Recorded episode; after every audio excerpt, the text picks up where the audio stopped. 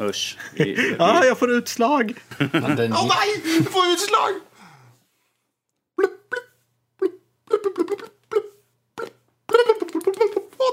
Och med det så är Fredrik det, det utslagen. Ja.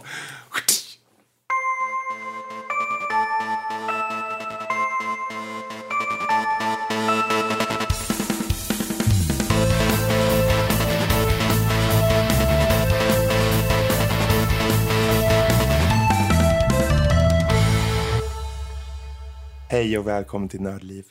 En podcast om spel och nörderi av alla de slag. Dagens datum är den 27 i första 2018 när vi spelar in det här och det här är avsnitt nummer 151. Och ni hör ju vilken mm, mjuk ton jag för. För jag har ju lyssnat på Max så här i efterhand när jag varit utomlands. Och det, det är svårt att få den där värmen i rösten som han får. Men jag försöker i alla fall. Um, i dagens avsnitt så kommer vi ta upp lite angående första världskrigsspelet Tannenberg och Assassin's Creed Origins, The Hidden Ones, i Spel i fokus. Men sen på nyheter är det om Sonys Totako, deras eh, lilla samlarfigurer och Ghost Recon Wildlands som har en jättebra idé. Mer om det sen. Och veckans diskussion tillbehörsdiskussion då faktiskt. Gaming headsets, möss och tangentbord. Vad är kvaliteterna som vi eftersöker? Och sen då på övriga nördämnen så har vi Overlord, säsong 2, en anime, lite första intryck från Max. Och Devilman Crybaby, en eh, anime-serie på Netflix. Och så avslutar med lite lyssnarfrågor. Men först får vi säga hej till eh, Kalle, hej hej! Max God dag, god dag. och Danny. och jag själv då. Och så lilla jag, Fredrik. Hej, Fredrik. Eh, hur står det till idag då? Jo, det är bara bra. Tackar som frågar. Hur är det själv? Jo, jag är eh, mätt på tacos och eh, saknar thaimat. Men annars är det jättebra. Ja, Fredrik, Ja, ja, du, jag, kan, ja, säg du Danny. Varsågod. jag tänkte bara säga det är synd om Fredrik som nu måste vara hemma i kalla Sverige istället för att sitta på en Ja, strand och njuta och se ut som en jävla kräfta. Ja. Får inte vi ha någon värme så ska inte han ha det heller. Alla ska ha det lika jävligt. Precis. Precis. Det är så det funkar. Det är så det funkar. Ja. Ja. Nej, fy fan. Jag mellanlandade i Moskva. Jag tog, tog ut tårna där och tänkte, nej. Jag, jag, jag stannar kvar på det här flyget. Alltså. Jag, jag stannar kvar. Jag vill inte ut i det här. Men, Men. Nu är vi här. Jag vill bara förvarna lite lyssnare också. För just idag då så sitter jag och spelar in hemma hos min syster. För jag är tekniskt sett så är jag väl barnvakt fast ja, ändå inte.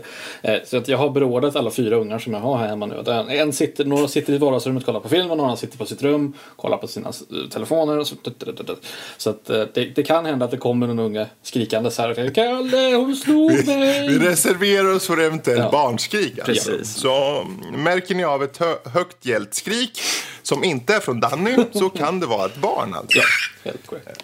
Åh, där! där så fick han Det lät lite som att ändtarmsproblem. han Men släppte ut luft från en ballong. ja, han är lite uppblåst. vår. Ja, är... Någon måste ju. Men vi hoppar faktiskt över till spel i fokus på en gång. Vi, vi river av det här Mm. helt enkelt. Och eh, vi hoppar på dig, Kalle. För du har ju kört Tannenberg. Stämmer bra, Ett det. första världskrigsspel. En uppföljare till Verdun. Stämmer. Vad är det exakt? Eh, Det är väl en eh, liten mer eh, autentisk eh, tolkning av första världskriget. Battlefield 1 som är väl det närmsta bekanta. är väl lite, man ska säga på spektakelhållet kanske man vill kalla det sådär. Det ska vara lite mer flashigt medan det här är då lite eh, långsammare, lite mer realistiskt, lite mer eh, eh, vad ska man säga? Verklighetstroget kanske. Absolut. Eh, Så att, ja. För Verdun, den, det, det här är en efterföljare till Verdun då? Ja, Eller? skulle, det är ju inte, det är inte Verdun 2 om Eller? man säger så. Utan vad, de har gjort här, det är ett litet, det är ett snyggt intressant upplägg då. Så att om man äger Verdun, om man äger Tannenberg, vilket jag då gör båda två. Så blir det, kombineras det till ett spel. Så att man får liksom, när man startar upp, antingen startar man upp det ena eller det andra i Steam. Men i spelet sen så får man då välja sen, ja men vill du spela på västfronten, vilket då är då Verdun. Och vill du spela på östfronten, vilket är då Tannenberg. Och, och i och med att de har släppt Ah. Tannenberg så innebär det också att Verdun har fått lite av eh, lite polering sådär. Lite facelift kanske man kan kalla det. Så det, det är ju inte fel det heller. Så att om man Men det är liksom, samma motor och så liksom. Det är Ja. bara att det är lite snyggare. Precis, precis. Ehm, och så. Och det är ett annat sätt, sak som de har gjort också då är ju att visst, det är samma typ av gameplay. Det är eh, verklighetstrogna, tidsenliga vapen och sådana saker. Så att alla springer ju bara igenom med sådana här uh, revär som man måste göra mantelrörelser med varje gång och sådär. Så att det är ganska långsamt gameplay om man säger så. Men det de har gjort då i, i Verdun som utspelar sig på ja, västfronten första världskriget. Då var det liksom eh, frontlines kallades det. Då skulle man liksom turas om med att attackera och försvara eh, sådana här trenches då. Eh, ja, och så förlorade man så blev man tillbakatryckt och sen så liksom turade man sig om och går liksom fram och tillbaka. Eh, vilket är väl korrekt i och med att ja, västfronten var ju för det mesta i alla fall eh, mycket sådana här trench warfare då. Tannenberg som då är på östfronten det var ju betydligt mycket mer öppnare om man säger så. Det var inte så mycket de här långa leden med skyttegravar liksom och No Man's Land i mitten utan det var betydligt mer öppet. Och det reflekteras lite i gameplayet då så att i Tannenberg så går det mer och mer ut med på att eh, ta kontroll över stora ytor istället, stora områden. Istället för bara liksom attackera ja, eh, enstaka skyttegravar eller sådär. Och det tycker jag är lite häftigt. Att de har fått till det på det sättet då. Det är lite häftigt. Ja. Mycket bra skulle jag påstå. Eh, så det är väl det som jag tycker om starkt nu. Alltså det är ju det är fortfarande gamla, alltså gamla hederliga får man väl säga. Alltså det, eh, gameplayet är ju mer eller mindre exakt detsamma om man säger så. Vad gäller mekaniken och sådana saker. Man dör väldigt enkelt och det räcker oftast med ett skott för att, för att döda en, en, en fiende eller sådär. Eller för att dö. För Men en- är det, är det här liksom ett spel riktat mot så här, simulator-liknande form? Ja. Alltså mer Ja, det skulle jag eh, absolut hardcore? påstå. eh, Ja. Mm, helt, helt rätt. Om jag skulle lira skulle jag sitta där och bara Vad fan är det för jävla skit? Eller vad, hur? Du skulle bara, vad fan, blev jag skjuten ifrån nu? Och så liksom bara... Så, Nu dog jag igen! typ så. Jag såg dem inte ens. Eh, Så att, men om jag, det, det är ju early access nu så det köper jag väl. Men om jag får kritisera det lite så att eh, Tannenberg-delen av spelet är inte lika bra optimerat som Verdun är om man säger så. Eller var. Så det är väl en sak som de förmodligen antar. De, har säkert, de är säkert medvetna om det och kommer säkert jobba på det. Så det. Inga För konstigheter. det var early access där. Precis. Ehm, och sen så, ja, det är väl den biten. Och sen så, eh, någonting som också genomsyrar Verdun lite grann är väl att jag är inte det största fan av ljuddesignen för alla va- vapen och sånt där låter ju väldigt mjäkiga om man säger så. Eh, väldigt sådär, eh, ja, jag vet inte, luftgevär eller eh, vad ska man säga, paintballmarkörer eller sådär väldigt så Ja, det är inga Ja, dice direkt. punch bakom sig. Sådär.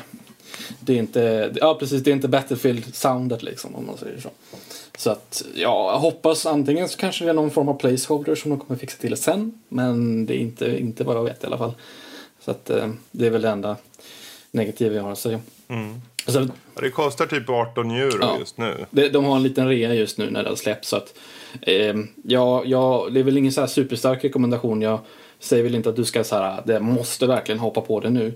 Utan Spring och köp det! Vänta Skynda! gärna lite grann skulle jag faktiskt ändå påstå. Jag gillar det starkt men det är ingenting som betyder att du som sitter där ute och lyssnar kommer tycka om det. För jag är lite Det konstig finns det inget sättet. så här datum för en eventuell uh, 1.0-release eller något? Nej, inte vad jag kan komma på på rak arm. Sådär faktiskt. Eh, oklart faktiskt. Men eh, Okej. Ja, och sen så vill jag ju påstå att det här är ett sånt spel som glänser när man är flera då. Man spelar ju i grupper om fyra eh, med lite olika klasser. Ofta så har man en officer då som kan eh, kalla ner eh, liksom understöd och kan peka ut här ska vi attackera och sånt där. Och så kan man eh, och, och, ja, respawna på sin officer då. Eh, och sen har man lite olika klasser med lite olika vapen och sådana saker. Så att det, det, det här det här glänser ju verkligen när man är några stycken. Gärna mer än fyra.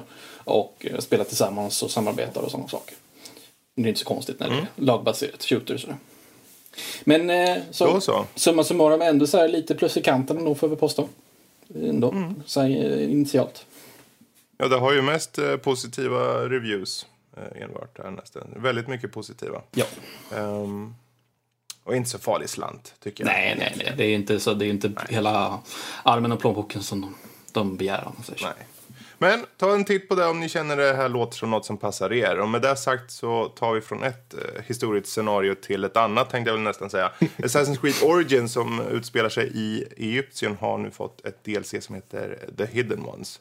Danny, vad exakt är det man får ta del av i The Hidden Ones? I The Hidden Ones som utspelas ett par år efter att första spelet avslutas eh, så får man följa Bayek när han ger sig av till en helt ny del, eh, till Sinai-halvön.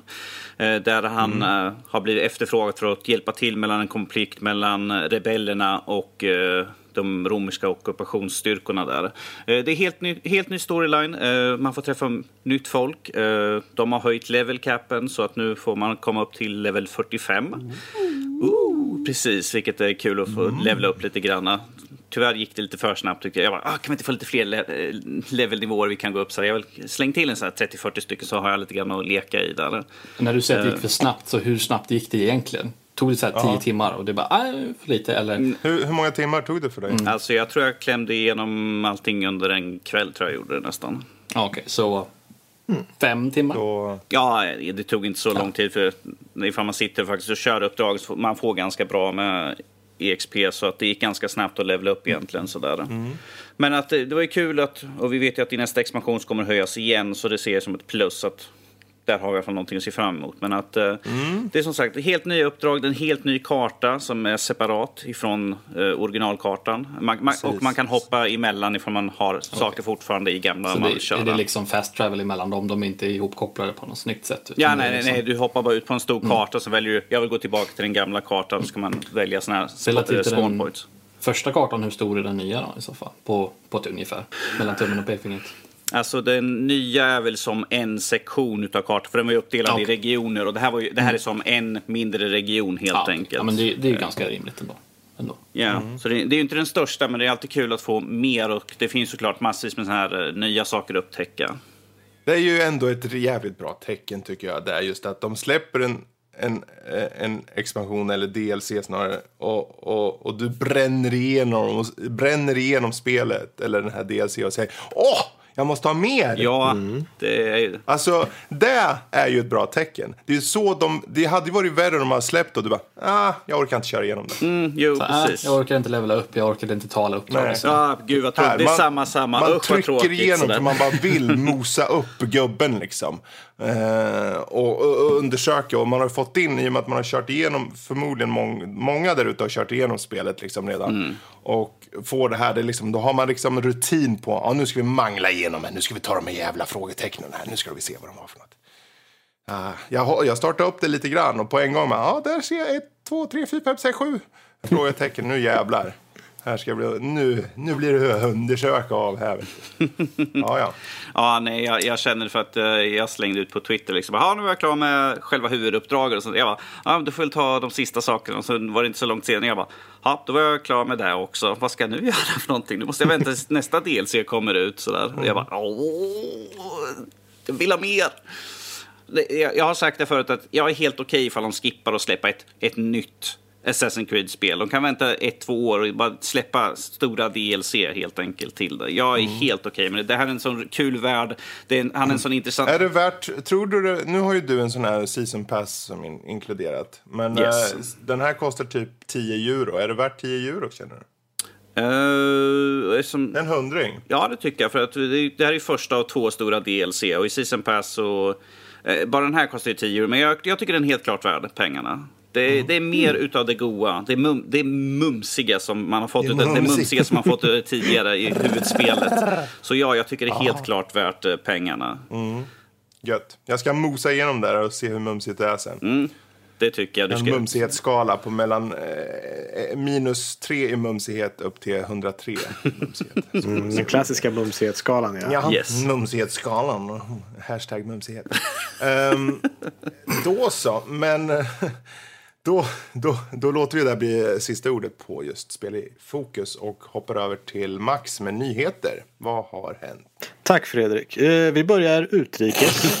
Eh, så, sluta! Sluta, sluta! Kom igen! Jag visste det skulle komma Okej. något sånt där. Okej, bryt! Så, över till dig Max. tack Fredrik. dear. Jag tänkte jag skulle perfekt ha en liten jingle så här. Och nu eh, till Max med nyheterna. Du, du, du. Tack Fredrik. Vi börjar utrikes som vanligt. Eh, Det visar sig att Sony tar fram en ny form av samlarobjekt, nämligen eh, Totaku. Dessa ska då kämpa mot Nintendos Amiibos. Dock kommer dessa nya små collectibles inte göra någonting. Men kommer finnas i former av alla era älskvärda Sony-produkter såsom exempelvis Bloodborne och dess like. Eh, Så för er samlare Dess like! Dess like! Vadå dess like? Vad menar du med det? Jag försöker hitta på ord och improviserad här så att eh, ibland blir det så. Okej, förlåt. Ja, nej. Go on. Nej. nu har vi tappat flowet. Eh, Vi får eh, diskutera nyheten Det är istället. tror jag. Kratos. Det är allt från Kratos, Crash Bandicoot, Bloodborne, precis som du sa. Zack- och sen Sackboy. Och Rappa, Parappa och, och teckenfigurer och allt möjligt. Um, de- 23 mars kommer de. Ehm, jag tycker det är... Alltså jag satt ju och kollade. Hmm. Den där eh, Bloodborne-figuren såg ju faktiskt ganska cool ut. Jag har aldrig spelat spelet, men den såg cool ut. Skulle se fint ut i hyllan. Jaha, det skulle den. För den är inte så jävla stor. För jag är så van med att få... Ja, men här, här får du en samlarfigur. Den är tre meter hög. Du kan ha den på balkongen. En Bloodborne-gubbe som sitter och bara, vad fan är det för fel Grannarna bara, där?" vad fan är det med den där snubben? Han stod ju där hela tiden. Nej, men det, det känns som, ja, men de här kan jag spä ut lite runt om i lägenheten och vara lite så här coola. Så här. Och eh, jag menar, Sony har ju ett gediget eh, register av karaktärer. Ja, Jag de har ett jag bibliotek. Det finns Mm. inget Alloy To- Totaku då? Fredrik? Eller? Jaha, Ja. det, det, det vet jag inte faktiskt. Men den vill jag i så fall jätte, jätte, jätte, jätte, jätte, jättemycket vilja ha då. Mm. Ehm, och ja, precis. Det vore nice. Super nice. Jag är bara mest nyfiken Men, på eh, vad priset kommer bli på de här. För att titta Ja, på Amiibo, intressant. de kostar ju en slant. ju, Så det är frågan vad de här kostar i så fall. För de här, de här är Precis. som sagt, det är ingen spelfunktion, det är ju bara staction-figurer. Så För de andra har ju någon liten så här um, grej i moj som känner av in Ja, är det Mm, Fidi är, är den tekniska ter- Ja. termen där? Grejemojen? grej i moj. Ja.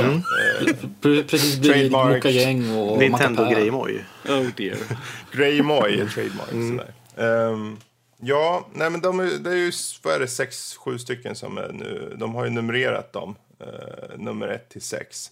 Så antagligen kommer det ju komma mer. Men det här är första eh, gänget. Jag, jag kan tänka mig Uncharted. Jag kan tänka mig... Uh, fan heter de där uh, skjutarspelen som... De, de där skjutarspelen Killzone. ja. Det, Vad sa du? Killzone? Nej. Killzone, ja. Precis. För de hade så här coola utseenden på gubbarna. Last of Us-figurer. Last of Us och deras monster. Precis. monster. Monster. Monster monster. Hunter. Oj. Vi hade monster, i Monster förra Hunter. avsnittet också. Så att, Ja, det hade ni faktiskt. Då blir det lite så här kaka på kaka på Ja. kaka. Men det såg ju intressant ut. Jag tyckte det i alla fall. Men så är jag nörd. Vad har vi mer? Eller finns det något ni vill säga förresten? Förlåt. Nej, det ska bara bli intressant att se när de kommer och vad, vad vi kommer få se för mer saker. Ifall, Mm. de, slår, ifall de blir som Amiibo så kommer de ju slå stenhårt och då kommer det bli samla grejer utav det. Så då, Och så blir de svindyra helt plötsligt. ja, ja. ja, ja, det är klart. Sen kommer det komma guldversionerna och silverversionerna. Och sen, det- de har så, så har de så, till en början så har de så begränsad tillgång så är det någon jävel som kommer och köper upp ett helt lager och säljer dem på Tradera för eh, fem gånger priset. Så cynisk är jag. Så ung, så som synsk. synsk eller cynisk? Synsk? Jag vet inte. Väl, väl själv, det är illa ställt vilket som. Syns. Synsk Ja, kanske det heter. han, han har redan sett sanningen. Ja. Oh well. Ja, vi tackar för det och går vidare till nästa nyhet. Det visar sig att Ghost Recon Wildlands kommer få lootlådor inom en snar framtid. Eh, varför Ubisoft har tagit detta beslut är fortfarande oklart men vi kan ju alltid diskutera och förundra oss. Eh, Över till resten av Nördlivgänget som har det senaste.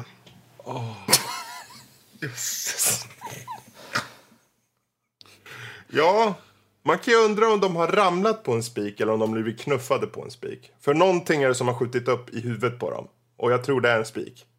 För de tänker inte klart här. Ja, Jag menar, vad fan. Är det ingen som har sett...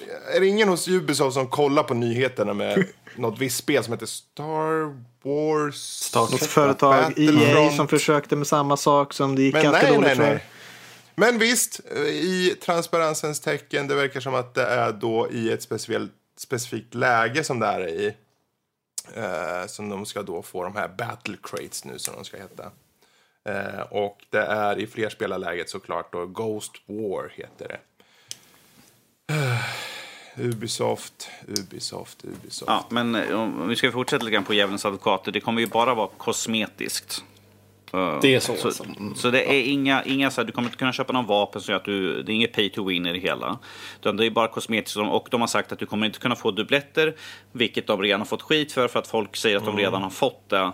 Fast de, äg, de har fått en sak fast de redan äger den. Så det, jag vet inte hur de har, vad som har hänt där. Men att Jag tror, jag tror det, det, det intressanta här, det, det, visst som du säger, det, som de, det, det står ju att det ska vara kosmetiskt och, och så. Men med tanke på all jävla halabaloo som har varit så tycker man att utgivare nu borde hålla på det här innan. Alltså låta stormen verkligen försvinna. Innan de lanserar något sånt. Det är det smarta. Nu, nu sitter vi och pratar om de här och säger att ja men hur kan de göra det? Och det är just det de skulle ha undvikit. Ja, men det är väl Varför- någon ekonom någonstans högt upp på Ubisoft som har räknat på Ja. det här. Ja, vi kommer ju få lite negativ press men i slutändan så kommer vi ju tjäna 2,3 miljoner på det här så det är helt okej. Ja, Det finns ju någon anledning till varför lootboxes börjar bli så populärt. Att de måste ju tjäna någonstans på det och den statistiken måste ju finnas tillgänglig någonstans. Och kan de visa ja. med ren hård fakta, säga att här ser vi om vi Tror- lägger till lootboxes kommer vi ha det här. Det som Ubisoft plockar ifrån är väl säkert Folk är får. så Gil- Gilmore, han säger Folk är får. De köper om ni ger dem möjligheten. För grejen, är, Så. grejen är den också att du kan ju inte köpa för någon in-game currency utan du kan ju bara köpa credits via deras butik.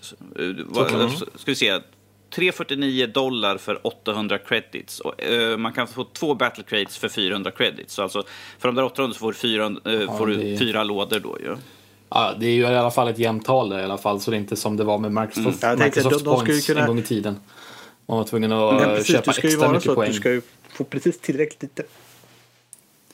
I vissa fall så kan det vara så, jag vet så tror jag det var i Rainbow Six Siege att jag ville köpa någon sån här special eh, skin eller whatever och då kunde man lägga in currency och då, då, var, då var det så här den nivån som var precis under vad det skulle kostat att köpa det där skinnet eh, så jag fick ta och köpa massa extra poäng eller något sånt där whatever. Så att eh, mm, Precis. de vet hur de ska fiffla, det vet de. Sjuka jäklar. Ja, fy fan. Ja, ja. Vi får se vad de... Om det blir någon backlash. Det kanske är precis som... Var det du som Max sa att det var helt dött? Nej, var det du Kalle som sa Ja, att det nu, var dött? nu, det var, nu tog jag händelserna i förväg här. Alltså det, jag gick och kikade, i alla fall på Steam så har de 5000 eh, aktiva spelare ungefär. Och sen så Mm. Är det plus de som är dåligt? på Uplay. Eh, för att vad, vad spelet är, som är liksom ett co-op eh, bla bla bla, så tycker jag att det är bra. Co-op bla bla bla. Ja, co-op någonting. Co-op, bla bla bla. Ja. Nej, men för, för vad det är och eh, vad, hur... Jag recenserade ju spelet en gång i tiden. För Mm. sisådär, ett, inte riktigt ett år sedan, men nästan. Ehm, Mm. Och för vad det är så tycker jag att det är bra eh, spelarsiffror. Man kan ju tycka, Mm. man kan ju få ge Ubisoft lite beröm att de faktiskt håller kvar sina spel och jobbar med dem trots att eh, det kanske inte gick så bra i början eller hade, hade problem i början som de nu har gjort med det här, Ghost Recon Wildlands och, och Rainbow Six Siege och For Honor och sådana saker. Så att, eh, ja. Man kan väl se det som att de har någon, någon, inför någon metod för att eh, få fortsätta intäkter i spelet och på så sätt kunna, kunna jobba med det, vidare med det. Det är väl en väldigt eh, positiv tolkning av hela situationen kanske. ja. Inget är ju svart och vitt. Så det är ju självklart så. Ehm, och jag menar, den spelarbas som är, om det nu är 5000 uh, cirkus som kör kontinuerligt så hjälp dem att fortsätta kunna spela är ju alltid bra. Ja. Ehm, med det sagt, veckans diskussion hoppar vi vidare till lite raskt. Och det är tillbehörsdiskussion den här gången. Uh, gaming headsets, möss och tangentbord. Vad är exakt de kvaliteter som vi eftersöker när vi letar nya prylar? Ska, ska jag säga hur jag gör? Ja, säg Varsågod. Jag frågar Fredrik om hjälp. Okej. Jag har också jag väldigt, eh, en väldigt simpel eh, metod annars också. Mm. Eh, Det kallas för när det kommer till eh, headset Eh, Det viktiga du kollar på där när det kommer till gaming headset är att det är ett Sennheiser PC 360 eller equivalent. Så länge du följer dessa enkla steg så kommer du alltid få utmärkt kvalitet. När det kommer till möss så är det en Razer, Razer Death Adder som är Aldrig. primärt. Eh, en sådan eh, räcker. Jag har alltid minst två i reserv. Eh, till tangentbord också kan det vara mer problemet. Du ska ju ha ett klassiskt eh, Logitech G15 egentligen men den serien finns ju inte längre. Så att man kanske får liksom nöja sig med en eh, 510 plus eller liknande. Men håller man sig inom den eh, genren och vinkel så lär det gå bra. Jag har även sett med egna ögon då personer i min närvaro som har använt ett Razer tangentbord och eh, mötts med lycka men kan tyvärr inte Det är intressant att Testa ta själv. upp allt det här nu, för nu är ju egentligen själva frågan här, vad är exakt, vad är det i till exempel eh, Razer-musen eller i Sennheiser-headsetet eller det tangentbordet du nämnde. Vad exakt är det du tittar på när du ska köpa ett, eh, ett headset om vi börjar där? Ja, när det kommer till ett headset eh, så ska det för det första, eh, det finns faktiskt två alternativ. Du kan antingen välja att ha ett noise cancelling eller inte. Men jag känner att det är mer beroende på personlig åsikt mer än det ena är bättre än det andra. Det är lite hur du känner i vilken miljö du sitter i och liknande. Eh, när det kommer till ljudkvalitet så kan du ju bara lyssna och prova. Jag vet att Sennheisers har ett väldigt bra rykte inom ljudkvalitet just det. Har även sett väldigt många skaffa detta headset just på grund av det då. Så att där ligger det ju ganska mycket trovärdighet i det. Men det går ju bara att eh, testa och uppleva för att försöka förstå på. När det kommer till mikrofon, en funktion som just finns på Sennheiser headsetet som man blir väldigt bortskämd av tror jag, vilket mer headsets har nu för tiden då, men det är det här att kunna muta headsetet eh, genom att bara lyfta upp mikrofonarmen. Eh, och jag föredrar också en rejäl mikrofonarm som går liksom att dra upp och ner. Än något litet som går att skjutas ut eller så lite justerbart. En här liten mm, vajer som sticker ut med någon liten boll på toppen. Utan det, jag föredrar en ordentlig arm som går att dra upp och ner. Eh, mm. Vad är det mer? Det ska sitta skönt på huvudet. Det kommer nog in lite på noise cancellation och inte. Jag vet att har du ett icke noise cancellation så kan ju det sitta lite mjukare på huvudet. Ett noise cancelling vill ju gärna sitta ganska tätt runt öronen och kan möjligtvis bli lite svettigt. Ja, och kan vara en sån här eh, konstgjord läder oftast. Precis, precis. Medan de vanliga som släpper igenom ljud kan vara lite mjukare och, och så. Det, det är vad jag har upplevt i alla fall när det kommer till headset. Jag hade ju något Razer headset för många, många, många år sedan innan jag fick ett uh, Sennheiser då. Men eh, nej, det, här, det här är nog det, det bästa som finns i, i hela världen vad jag vet. Ja, Sennheiser är svårt att eh, argumentera emot Ja. på något sätt. Det, men det är ju också, om vi säger så här, för de som sitter där ute och inte har så mycket pengar. Om du måste hitta något under tusenlappen, vad, vad gör du då? då? Då är det svårt. Då, då, då sparar du ihop pengar tills du får över en tusenlapp. Nej, jag vet, alltså det, det går ju eh, när det kommer till liksom mikrofoner och sånt så finns det ju mikrofoner på de flesta saker. Eh, jag, jag, skulle, jag funderar på om man skulle försöka rekommendera några sådana här små in-ear-hörlurar som man kan få för typ 200-300 för det är mycket, de är så mycket billigare och du kan fortfarande få bra ljud i dem. Sennheiser Något- något sånt här 2.0. Ja, men något sånt där mobilmikrofon typ. Tänker som kanske följs med. Eh, Om du ska så, om du ska, måste ha ett headset dock, om det liksom är där du är bekvämt i, att du vill inte ha in-ear. Så eh, visst, jag har inte kollat priserna, men det finns ju saker runt omkring det. Men jag har ju varit så fokuserad, jag menar, jag har ju ägt, jag vet inte, jag vet ärligt talat inte hur många exemplar av just Sennheiser headsetet, att jag har faktiskt inte kollat på eh, headset. På min tid när jag köpte headset så, så fanns det fortfarande någon så här, vad hette de, KOS, hette de så? Ja, Porta Pro. Eller? Är Ja, det de du jag tänker för på? mig att de, de var rätt okej för billigare. Det var mellan typ 500 där, kanske upp till 800 till och med. Mm. De var, jag vet att de var rekommenderade då för det. Nu har jag ingen riktig koll på hur marknaden ser ut för den tyvärr. Men du, då låter jag, jag bollar över till norsken här. För jag är nyfiken av de här tre prylarna nu. Möss, eh, tangentbord och headset. Om du måste välja en av dem som du är lite extra PT med, vad, vad är du PT med då i så fall? Uh, I dagens läge skulle jag säga headset i så fall. Mm. Som, uh, för de som lyssnar, jag har aldrig varit den mest petiga. Jag satt på ett gammalt SteelSeries V2 som jag hade tills de låg mot örat och jag blödde typ till varje podcast vi hade. Så att det har jag blivit väldigt noggrann med. Jag sitter med ett Logitech, vi se, det här är G933 tror jag det är. Yep. De vita, de vita precis. Uh, Artemis tror de heter, uh, som jag sitter med trådlöst. Mm. Uh, och jag sitter på ett par Turtle Beach Puck Dakota, vad heter de där Turtle Beachen jag använder? Ett par Turtle Beach Puck Dakota, ett ovanligt samarbete. Precis, Puck Dakota. uh, just det, uh, Air Force Stealth 450 så var de hette. Mm. Fuskar och kollar på den. På den på det. Men de är också trådlösa? De är också trådlösa. Uh, skillnaden mm. mellan de här två är att Turtle Beachen de har ju att du måste sätta på mikrofonen. Det är en sån liten vajerjävel som sticker ut. Mm. Och de har, de har ju tyvärr lite tanigare ljud i sig. Och som jag vanligtvis när vi sitter och pratar till exempel innan podcast eller när jag sitter och spelar eller pratar med folk helt allmänt så är det så svagt ljud i den så jag brukar föredra att ha på mig eh, de här Logitech istället för de har en mikrofon som sitter fast som Max sa. Det är liksom en, en ordentlig mick du fäller ut och så har den att du kan fälla ut den lite grann så du kan vinkla den så att den plockar mm. upp rösten mycket bättre. Uh, och uh, den här Logitechen är större kåpor på. Eh, det är, som ty det är tygkåpor som den har, eh, vilket är lite mjukare. Mm. Det är samma sak på Turtle Beach men den är lite mer strävare så att det märks när man har suttit ett par timmar att det, man känner att det börjar klia lite grann. Det, man känner lite öm runt huden, runt örat. Så. Eh, om du skulle pinpointa exakt liksom, typ två eller tre aspekter av ett headset som du känner är det viktigaste för dig, vad skulle det vara? på ett headset, just, rörlighet, som sagt, trådlöst.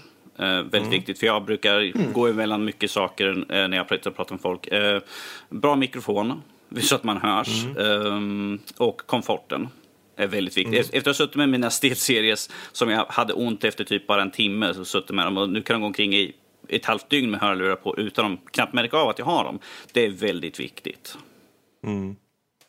Ja, men det, det är intressant, för, jag, känner, för jag tänkte, jag lyssnade på dig nu Max, nyss, mm. liksom, du gick igenom allt det här möjliga liksom, och så. Och jag så tänkte, hmm, ja, det är intressant, för ljudet är ju såklart, alltså för ett headset så är ju ljudet där man egentligen eftersöker först och främst om mm. man verkligen diggar musik och så. Men det är ju många som, som gamers som ser det som kanske till och med som en andra sak. Ja men det är intressant att se för jag hör liksom som bara Danny säger, jag vet ju att han tycker om att liksom sitta på balkongen väldigt mycket mm. och och så att han, rörlighet är en av hans liksom, primära Precis. saker han tittar på. Det tog ju inte jag upp alls. För det känner jag som att eh, visst, det skulle vara lite kul att ha ett trådlöst headset. Men jag sitter ju alltid framför datorn med det. Så att för mig mm. så var ju inte ens det en punkt jag tänkte på. Det är intressant att höra det. Mm, men som sagt, jag, jag sitter ju på balkongen jag blossa lite grann. Eller så sitter jag när jag spelar till exempel på Xbox för jag spelar någonting som jag inte behöver lyssna på. Då kanske jag sitter och lyssnar på en podcast ifall det är någon del som vi har haft som jag inte lyssnar på. Så slår jag igång det. Så det är skönt liksom att ha att man kan vara lite mobil på den punkten. Ja, mm. Mm. ja nej, men det, ja för, för min del så är jag ju ganska splittrad. För jag har också, jag har Game... Är det Game Zero jag har? Eller game, är det nog Game, game One eller Game Zero? Du har nog båda två där borta tror jag väl. Nej, jag har bara en. Har du bara den ena? Ja, jag har den andra hyllan då. Den som jag köpt själv. Ah, Okej, okay. ja, då är det Zero tror jag. Jag tror det. Ja. Och den, den um, är ju helt fenomenal i ljudet. Alltså. Mm. Är den. Uh, däremot så har jag kommer på mig själv och blivit lite jävla futtig faktiskt. Jag, jag sitter med Astra A50 som är trådlös. Och den har inte lika bra ljud, absolut inte. Basen är ganska tam på den. Eh, men trådlösheten är fenomenal och komforten är jätte, jättebra. Och det är tygbaserat. Alltså det är ju inte någon så super um, uh, noise cancellation direkt. Mm. Men den har märkligt nog där lite i sig. Men uh, jag kommer hela tiden på att jag tar dem, det är lättast. För kommer någon unge så kan jag gå iväg och så sätter jag dem bara över axeln liksom så här. Mm. Um, men är det så jag ska lyssna musik då pluggar jag in mina Sennheiser i det externa ljudkortet. Och så bara njuter jag. Bara njuter. Bara njuter. Flyter iväg till en egen värld. Ungefär. där, där kan jag säga, jag, jag, vad gäller mikrofoner så visst. Ehm, det, det är en aspekt att titta på, men nu för tiden så skiter jag och bryr mig. Alltså jag bryr mig inte så mycket, för jag har eh, röde-micken, en riktig mick och en, en, en mikrofon på en, ett headset kommer aldrig komma i närheten Det, det kommer inte av- upp i de klasserna, det har du helt Nej. rätt i. Och eh, det är ju en fråga om hur, om människorna där ute har en sån här eh, mick. Det är ju inte säkert såklart. Eh, och framförallt inte om de har en mickarm. I det här fallet så är det ju så och där är det så jävla enkelt. Jag bara viker ner den. Den ligger där hela tiden ovanför min dator kan man säga, den här micken. Så den, tillgängligheten gör att jag använder den per automatik nästan lättare. Ehm, men eh, annars så är det ju så att Sennheisers mick och eh, är riktigt, riktigt bra. Eh, om Ja, den är okej bra av klassen i alla fall. I rent kommunikationssyfte i alla fall. För att, eh, Ja, handlar det precis. ju mest, Ja. i det, i det, med gaming headset handlar det ju bara mest om att du ska få ett någorlunda rent ljud så att, och som är tydligt också så att det blir det. Ja, jag? det finns ju inte. aldrig, det är ju väldigt få headset som har att du får en så här riktigt fyllig röst liksom. Det händer inte ofta. Då, då får du ju ha någon så här broadcasting mix som du kopplar in i mixerbordet. Och då är det ju mest av en bekvämlighet att du har micken på headsetet så att den följer med överallt. För det är ju lite av en nackdel att ha. Visst, man lär sig med det, men det blir ju lite av en nackdel att man du måste ändå vara lite medveten om var micken sitter för någonstans. På ett headset så följer den ju med dig lite hur den tittar och sådär. Ändå. Men du Kalle, om Mm. vi säger då, om vi tittar på möss och tangentbord och headset. Vilken av de tre liksom känner du är den viktigaste för dig och vad är det som utmärker just den? Oj. Ehm, det enklaste att kategorisera är väl, eh, är väl tangentbord är väl längst ner ändå. Jag kan nöja mig med det. Visst, jättetrevligt med eh, mekaniska tangentbord och jag skulle nog inte vilja gå tillbaka till ett med membrantangentbord efter att ha suttit med mekaniska i något, några år sådär. Men eh, ändå någonstans så går det att leva med känner jag ändå. Det är liksom inget större problem egentligen. Ehm, det är lite mer bara quality of life om man säger så. Eh, Och sen så vad man ska ranka sen får jag väl ändå, om jag måste får jag väl säga headset på plats nummer två och mus på plats nummer ett. Ja, det har väl bara mångt och mycket med att göra att jag spelar så himla mycket FPS så att ha en dålig mus skulle ju nog re- reta mig mer än att ha dåligt ljud bara. Mm. Sånt där. Vad exakt, då om vi tittar på möss, Mhm. vad exakt, kan du typ säga typ två eller tre eh, kvaliteter i en mus som du känner det här måste finnas i den musen om jag köper en mus? Eh, väldigt bra sensor. Alltså mycket bra sensor. Eh, nu kommer jag inte ihåg vad de heter på rak arm. Men många av de sensorerna som, eh, som Logitech använder, de har ju speciella namn. De som SteelSeries använder, Zowie och eh, Xtrify också för den delen använder. Eh, bra möss då. Eller bra sensor rakt då. Komforten det är ju en sån oerhört subjektiv sak men jag gillar gärna lite mm, att den får vara lite så här gummiklädd med, med bra så att med, med grepp då om man säger så. Ehm, Formen får, den får gärna vara ganska nätt och, och inte platt men eh, ganska inte speciellt eh, stor egentligen. Jag har inte speciellt stora händer Ah. egentligen så att den får vara Intressant. den får gärna vara Intressant. lite liten ändå. Den som jag har nu, jag har ju jag kommer aldrig ihåg vad den heter, Extrify. Jag tror den heter, jag tror den heter MG2, jag vill påstå att den gör det. Men deras Mm. eh, gamingmus då. Eh, och den är, den är lite mindre, man säger så. Om man har lite större lovar så skulle man titta på någonting typ i stil med SteelSeries Rival 300. Den är betydligt mycket större. Eh, om man har större, större vanta. Ehm, Så. Och den får gärna vara ganska lätt också. Faktiskt. Jag behöver, behöver inte vara speciellt mycket vikt i den faktiskt. Just för att få den här lite snabbheten i, i rörelserna, eller vad man vill kalla det. Men det var, eh, Max, hur känner du inför möss? Är det några särskilda kvaliteter? För jag vill bara jämföra lite vad, vad du tittar. Är det samma som han tittar på, liksom, med lätthet och, och en mindre formfaktor? Eller är det några andra aspekter? På Alltså, jag, jag håller med. Eh, sensorn för mig spelar inte lika stor roll. Eh, jag vänjer mig nog väldigt mycket efter vad jag spelar. Eller vad jag spelar med om man säger. Eh, och så. Även jag tänker mig en sensor det är väldigt viktigt för precision. När det kommer till exempel om du spelar RTS-spel eller eh, FPS-spel tror jag det är primärt viktigt då när du behöver göra snabba preci- precisions liksom, åtgärder då. Eh, men eh, för mig så är inte det så viktigt. Jag har spelat FPS med gammalt skräp på den tiden man inte hade pengar eller visste bättre. Eh, Så det känner jag att den kan jag kompensera själv för bara jag lär mig känsligheten på den. Det, det är en viss fråga om vanesak också, men lite Precis. någonstans så har jag hittat min vana om man vill säga så. Eh, Man har ju hittat Ja. det som man gillar Och då är det svårt att gå ifrån det om man säger så. Det är väl mest det det handlar om. Ja, som sagt, jag köper ju samma mus som jag redan har, absolut helst. För jag har också hittat vart jag är och tycker om den. Men om jag skulle klart säga, jag tycker det du säger med lite gummi på den är faktiskt ganska trevligt. Det gör att man kan lätt liksom bära upp den och flytta på den. Gärna på säger så. sidorna i alla fall. Musknapparna i sig behöver vara på ovansidan där handflatan ligger och där, där fingrarna vilar om man säger så. Det, det, det spelar inte så stor roll. Det får gärna vara, ganska, Nej. ganska matt, liksom glatt sådär. Eh, Men just på sidan Ja, får det gärna vara ett eh, lager med lite så gummi. Jag provade ju att ta en sån där Razer Naga, en sån där med 12 nummerknappar på sidan. För jag tänkte att det här blir just bra det. för MMO. Eh, och det funkade faktiskt men den var, den var lite små obekväm att använda. Så att jag gick ju tillbaka till en Death Adder liknande sak ganska fort. Jag testade Eh, ju ändå också när jag en sån chansen. eh, från Turtle Bridge Arena hette ju den musen. Det var också samma upplägg då med en knappsats på, på sidan. Ja, just det. Och eh, man lärde sig använda den, så inte för att jag använder det i MMO eller, eller Moba-sammanhang då, men jag hade så här pausa och skippa musik och eh, muta och sätta på ljud och grejer på Teamspeak och sådana saker. Så att det, det fanns ju, alltså, och det var någonting som jag också började sakna när jag bytte ifrån den. Så, så saknar man lite den funktionaliteten också. Så att, eh, det kan ju låta lite lustigt att ha liksom en knappsats på musen, men det fanns en viss mån fanns av användning. eh, funktionalitet i det. Definitivt, definitivt. Men det Mm. är som sagt, eh, när det kom till spelande så var man tvungen att... Det blir ju ett inlärningsmoment.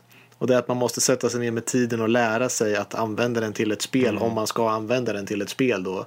Eh, annars så blir det liksom... de- Den har funktionalitet. Speciellt när du har ett spel där du använder till exempel WASD att röra på karaktären. Eh, och du då kanske inte vill sträcka på ett finger liksom, för att trycka på någon av nummertangenterna eller någon annan knapp. Då kan det vara bra att ha det på tummen ändå. Så att, eh, Det finns användning för dem också men jag, det- jag tyckte komforten på dem eh, inte var lika bra för de måste ju få plats med den där jäkla nummersatsen någonstans. Så Ja, för mig att ranka då vad som är viktigt på en sån så är komforten är det eh, och känsligheten är det men jag tror att det är väldigt subjektivt och man hittar nog sin egen, man vänjer sig väldigt mycket med eh, vad man har. Jo, ja, men definitivt. Ja, men, för det, det var så kul att lyssna på er två. För mig så är det ju, jag vill ha en, inte en jättestor mus, men jag vill ha en som jag kan täcka mer, eh, gärna hela handen. Man vill kunna vila i hela handen. Möjligt att Ehm. lillfingret sticker ut lite. Men... Och jag vill gärna ha eh, lite fler knappar. För jag tycker om att ställa in, jag vill ha extra funktioner.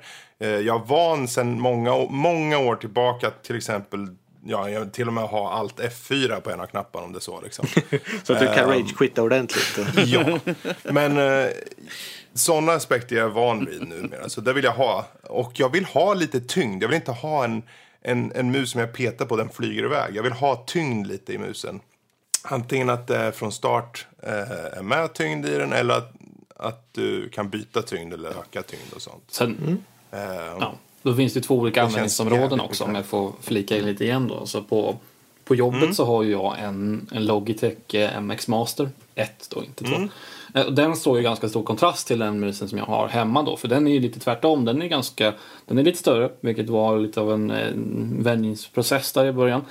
Och sen så sensorn är, den är ju jättebra, men den är inte så, den är inte byggd för precision utan den är snarare byggd för att kunna känna av vilken yta som helst, vilket den gör. Man kan Precis. ställa den lite var som helst och den kommer känna av vart du än ställer den egentligen. Eh, Men jag försökte spela med den och det kändes inte bra alls. Eh, Men däremot sitta och jobba med den, det var inga problem. Eh, Sådär. ja, men MX Master är ju en kontorsmus. Ja, och det är, så, det är syftet jag använder den också. I det syftet funkar den hur bra som helst tycker jag. Jätteskön och jättelång batteritid och trådlös och hit och dit. Det märks med att de har satsat på. Jag, menar, jag recenserade ju ganska nyligen eh, 2S. eh, Den nya versionen av den. Och det var ju väldigt klart att de gick ju starkt ut med också att säga det. Att den, den funkar på vilken yta som helst. Och de hade ju speciell programvara för att jobba mellan datorer på. Och, och sånt där. Så att det var ju, det var ju, det är ju en väldigt liksom speciell målgrupp de har satsat på för den. Ja, det är ju därför. Det är klart, jag titt... Sen är man ju lite... Jag har haft Logitech i många år och deras programvara som för ihop alla deras enheter i ett. Eh, är ju väldigt... Eh, när, man, när man hoppar från andra, som, i och med recensioner och sånt, så har jag hoppat från mus till mus till mus till mus. Och sen så bara, åh gud, nu ska jag installera den här jävla mjukvaran så puggar den ur. Eller så är den jätteseg och fuckar upp datorn när man ska starta upp eller någonting. Och sen så kommer man tillbaka till Logitech. Det är som att komma hem igen ungefär. Ehm, så det, det gör jättemycket för mig numera. Att Som om, det, om det är lite halvdan, bara det, den är okej mjukvaran till en mus, så tycker jag nej, då skippar jag nästan hellre och går tillbaka. För jag vet att jag får helhetsintryck, helhetsbilden bättre liksom hos Logitech. Och sen,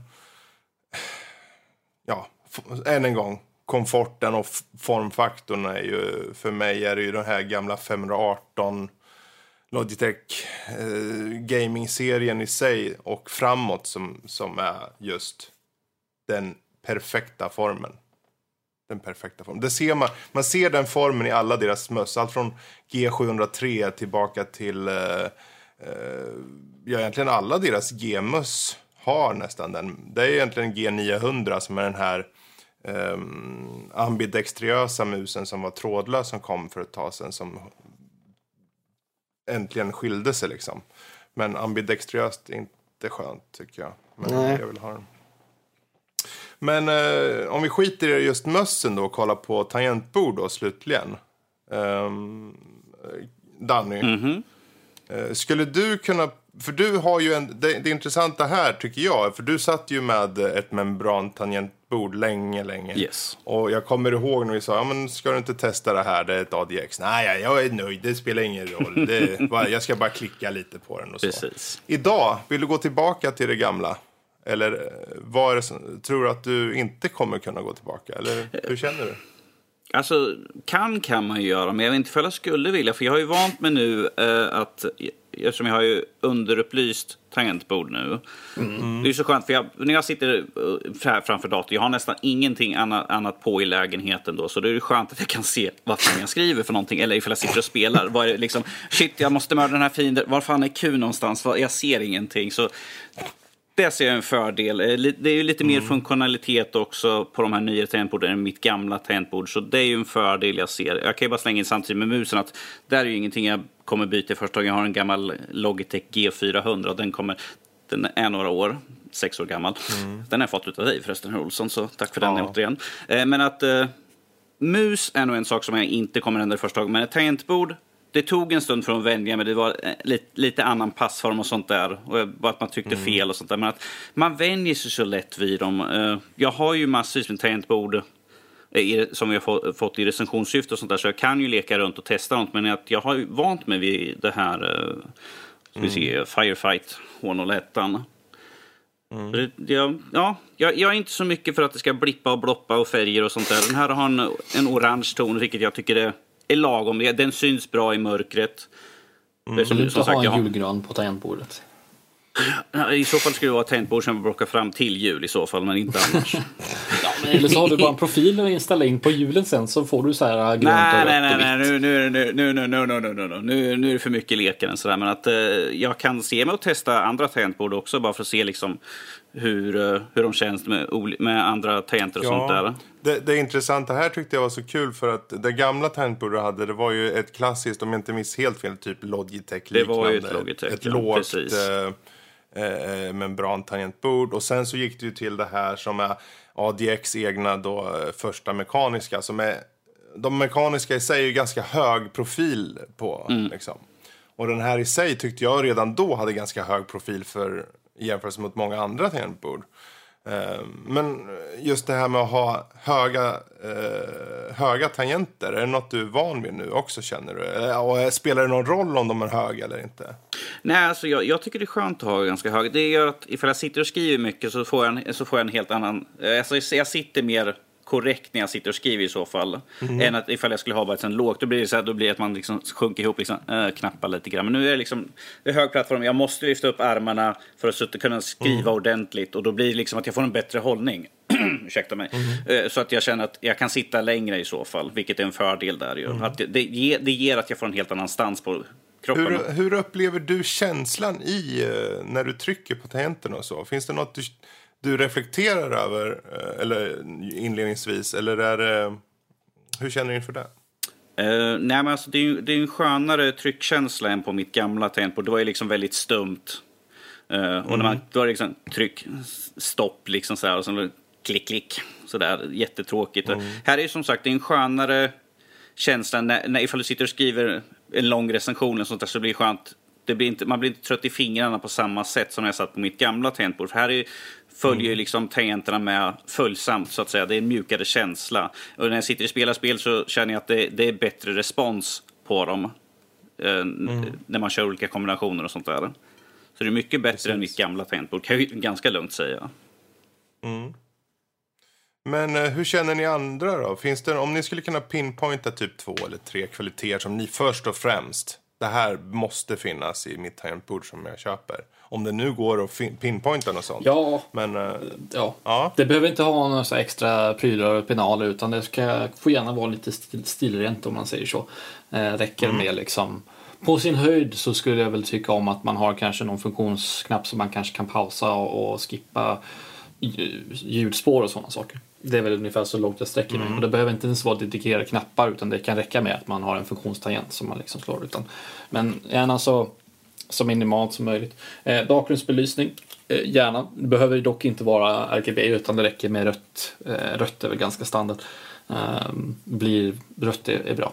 så. Och sen mm. så mekaniskt av någon form. Eh, jag är inte speciellt fäst vid några brytare. Någon speciellt. Just nu så sitter jag med eh, Cherry MX eh, röda brytare hemma. Vilket då mm, är mm. Eh, de väldigt lätta eh, och har ingen klick i sig eller sånt där. Utan de är väldigt ganska tysta också när man skriver. Någorlunda i alla fall. Eh, mm. Om jag skulle om jag fick välja vilken som helst skulle jag vilja ha, gärna ha bruna i så fall. För de klickar ju fast de har inget, de har inget eh, ljud men de, de har taktisk feedback om man säger, eller vad heter det? Taktisk, mm. taktil feedback kanske det heter. Något sånt där. Taktil, Precis. Ja. Det är taktisk feedback. Det är väl det. Och så får det gärna vara lite bra bökt också, bastant så det inte liksom gnäller när man vrider och vänder på utan gärna lite sådär ordentligt. Så du, vill, du, du vill ha ett tangentbord du kan tappa i golvet och sen bara plocka upp det och lägga tillbaka det igen? Ja, eller slå ihjäl en inbrottstjuv om det kommer in någon. så det är bara att fortsätta spela sen. Oh dear. Typ så. Ja. Ja, det, kan väl, det är väl mycket samma. Jag säger det viktigaste för mig det är eh, tangenterna ska, ha, ska vara belysta. Eh, spelar ingen roll färg, så RGB behövs ingenting. Det behöver inte vara så fancy. Bara det finns något ljus bakom där så att man ser vad det är på tangenterna i mörkret. Eh, och att jag föredrar verkligen Eh, Eh, höga tangenter, inga platta tangentbord. Det, det, går inte. Det måste vara höga tangenter som är individuella. Och sen en liten gripe till som är att som har sett speciellt på bärbara datorer så här, men även vissa tangentbord. Det är när de har mm. enter-knappen ser mer ut som skift-knappen om man säger. Ja, de har en avlång. Mm. Det, är det sämsta, värsta. Det går inte att använda. Det, nope. Men det är bara en så personlig liten grej. Att sån, de tycker att det ska vara en stor jäkla enter-knapp. Det är det viktiga. Precis, för den ska man smacka till då. Precis, då, precis. Du vet att nu, mm. jag är klar med en rad. Jag vill gå till nästa. Det måste precis. du kunna liksom säga på ett bra sätt. Max vill kunna uttrycka sig. Ja, precis. Och så vill ja. man gärna att det ska vara standard. Det får inte vara nere till vänstra ska det vara kontroll, Windows liksom, tangenten, allt och space. Ingen funktionsknapp där nere, det går inte. Nej. Så um, det, det, det, är väl det jag har. Mekaniskt ja. eller inte spelar inte så jättestor roll för mig egentligen. Uh, jag, jag, vet inte om jag... Jag kanske skulle känna skillnad nu men jag gick från ett icke-mekaniskt till liksom ett mekaniskt. Och, så att jag, mm, jag vet inte om jag skulle känna skillnad ärligt talat. Det skulle jag säkert göra men just nu så spelar det inte så stor roll. Men man köper mekaniskt för att man ska köpa mekaniskt och vi är ju indoktrinerade i gamingvärlden så att varför inte? Ja, jag, jag tänkte så också. Jag hade ju G105 tror jag den hette. Mm. Så membran. Vilket är, och Logitech alltså då. Som, som, mm. de, det är bra grejer. Uh, men det var dålig belysning. De, I och med att det var gummi och så. så vart, man, såg en, man såg knappt i alla fall i, i mörkret. Bara, Vad fan är det för jävla bokstav det där? men uh, sen så har man ju testat 40 000 olika jävla tangentbord. Och i nuläget sitter jag på ett Razer-tangentbord. Det heter Black Widow Chroma V2. Mm -hmm. um, och det coola med det här tycker jag egentligen är att um, den, den kommer i tre olika eh, brytare. Och den brytare jag har, det är, en, det är en mekanisk, men den är tyst. Så tyst ett mekaniskt kan vara, så förvisso. Men det är deras tysta version och den är faktiskt ganska tyst. Jag kan sitta och skriva lite i bakgrunden och det tar inte upp liksom allt för hög eh, ljudnivå sådär. Men samtidigt så får jag väldigt distinkt känsla i eh, accentuering, alltså i tryckningarna då. Um, för att inte tala om att det råkar ha också uh, ett handledsstöd som är, är, har konstläder över hela, hela sig, som är väldigt mjuk och god. Och framförallt, för att toucha det då på, på tangentbordet så är det, det är magnetiskt. Du bara nuddar, plupp, så fastnar det. Och tar bort det lätt som plätt. Just hela det här tangentbordet är gjort för enkelhet. Och det är väldigt klara färger. Eh, syns både underifrån och genom knapparna.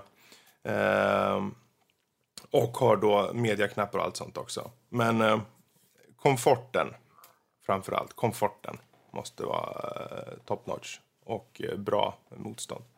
Det är vad jag ser efter i alla fall i tangentbord då. Mm. Ehm, men ehm, sen är det ju klart, jag har inget emot att ha USB-uttag på eh, mitt tangentbord. För det är många gånger jag behöver ladda upp telefonen och så. Så det har jag blivit nästan lite van vid. Om jag, jag är inte bortskämd kanske till och med. Så att jag bara, ja men jag kan plugga in den. Det är väl, det är väl standard, är det inte det? Nej, men det beror lite på vart man har datorn också tror jag. Det är ju väldigt smidigt om du har datorn stående i någon form av eh, skrivbord eller något som är svårt att få tag på. Mm. För om du har den stående ute på golvet precis, precis bredvid dig med USB-portar fram så kan jag tänka mig att då kan man använda dem om de inte redan mm. används. Ja, jag har ju den under skrivbordet liksom, så den, den, den lite utanför bilden så att säga. Precis, ja men då är det ju smart att ha vid tangentbordet om man inte ja. köper USB-förlängningskablar och har liggandes. Exakt. Det, I mitt fall så är det lite mm, unikt också för jag har typ utnyttjar varenda jävla USB i med alla recensionsgrejer och så. Mm, så ja, just att ha den där. Det betyder att jag kan plugga in uh, möss då när jag ska recensera dem. Ska jag plugga in dem i tangentbordet bara rakt av och så köra liksom. Um, men rent generellt, bra att ha, ja. tycker jag. Ja, den sladden som kommer med mitt USB-mikrofon som jag använder nu, den var lite kort så den nådde ju inte till datorn i sig. Mm. Så att, jag eh, kopplade bara in den i, jag tänkte ja men tills vidare så kopplar jag in den eh, i tangentbordet istället så, så kanske jag får köpa mm. en längre sladd och det har jag ju aldrig gjort. det har ju funkat hur bra som helst. så att, så, fan, har inte funnits anledning. Och... Ja, du ser. Ja.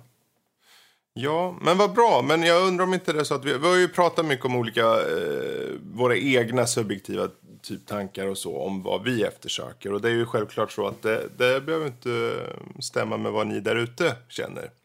Och känner ni att vi har missat något, hör av er för guds skull. Antingen så skickar ni direkt till oss på Twitter, at eh, nordliv.se. Eller så mejlar ni helt enkelt till oss på info at nordlivpodcast.se. Skriv lite frågor eller bara skriv av er. Det gör ni som ni vill. Mm, och ni behöver inte vara troende utan det går även för er som icke tror. Precis. Um, då så, vi hoppar över till övriga nördämnen istället. Och uh, så sparkar vi över bollen till dig Max som har kollat på andra säsongen av en animiserie som heter Overlord. Ja fy fan vilken tid den jävla skiten ska ta. Vad är, vad, vad är det som tar lång tid? De där jävla ödlorna vet du. Det... Ödlor? Ja, det var, ödena var anledningen till varför jag slutade läsa den här när den var liksom i skriven form där den kommer ifrån. Okay. Vi kan ju börja med Overlord, känner ni till den? Nope. Overlord, eh, det är en eh, nisse som sitter och spelar ett jättegammalt MMO. Mm -hmm. Som ingen spelar längre och nu ska servrarna gå ner. Han sitter och spelar detta och sen så när liksom du tänker ja 3, 2, 1, 0 stänger ögonen. Nu är spelet avstängt. Sen så Vänta, vad fan, är jag fortfarande kvar här? Han öppnar ögonen och är kvar i spelet. Eh, och det blir lite eh, fångad i ett eh, virtual MMO eh, mm. grej. Han har tillgång till lite menyer och sånt där.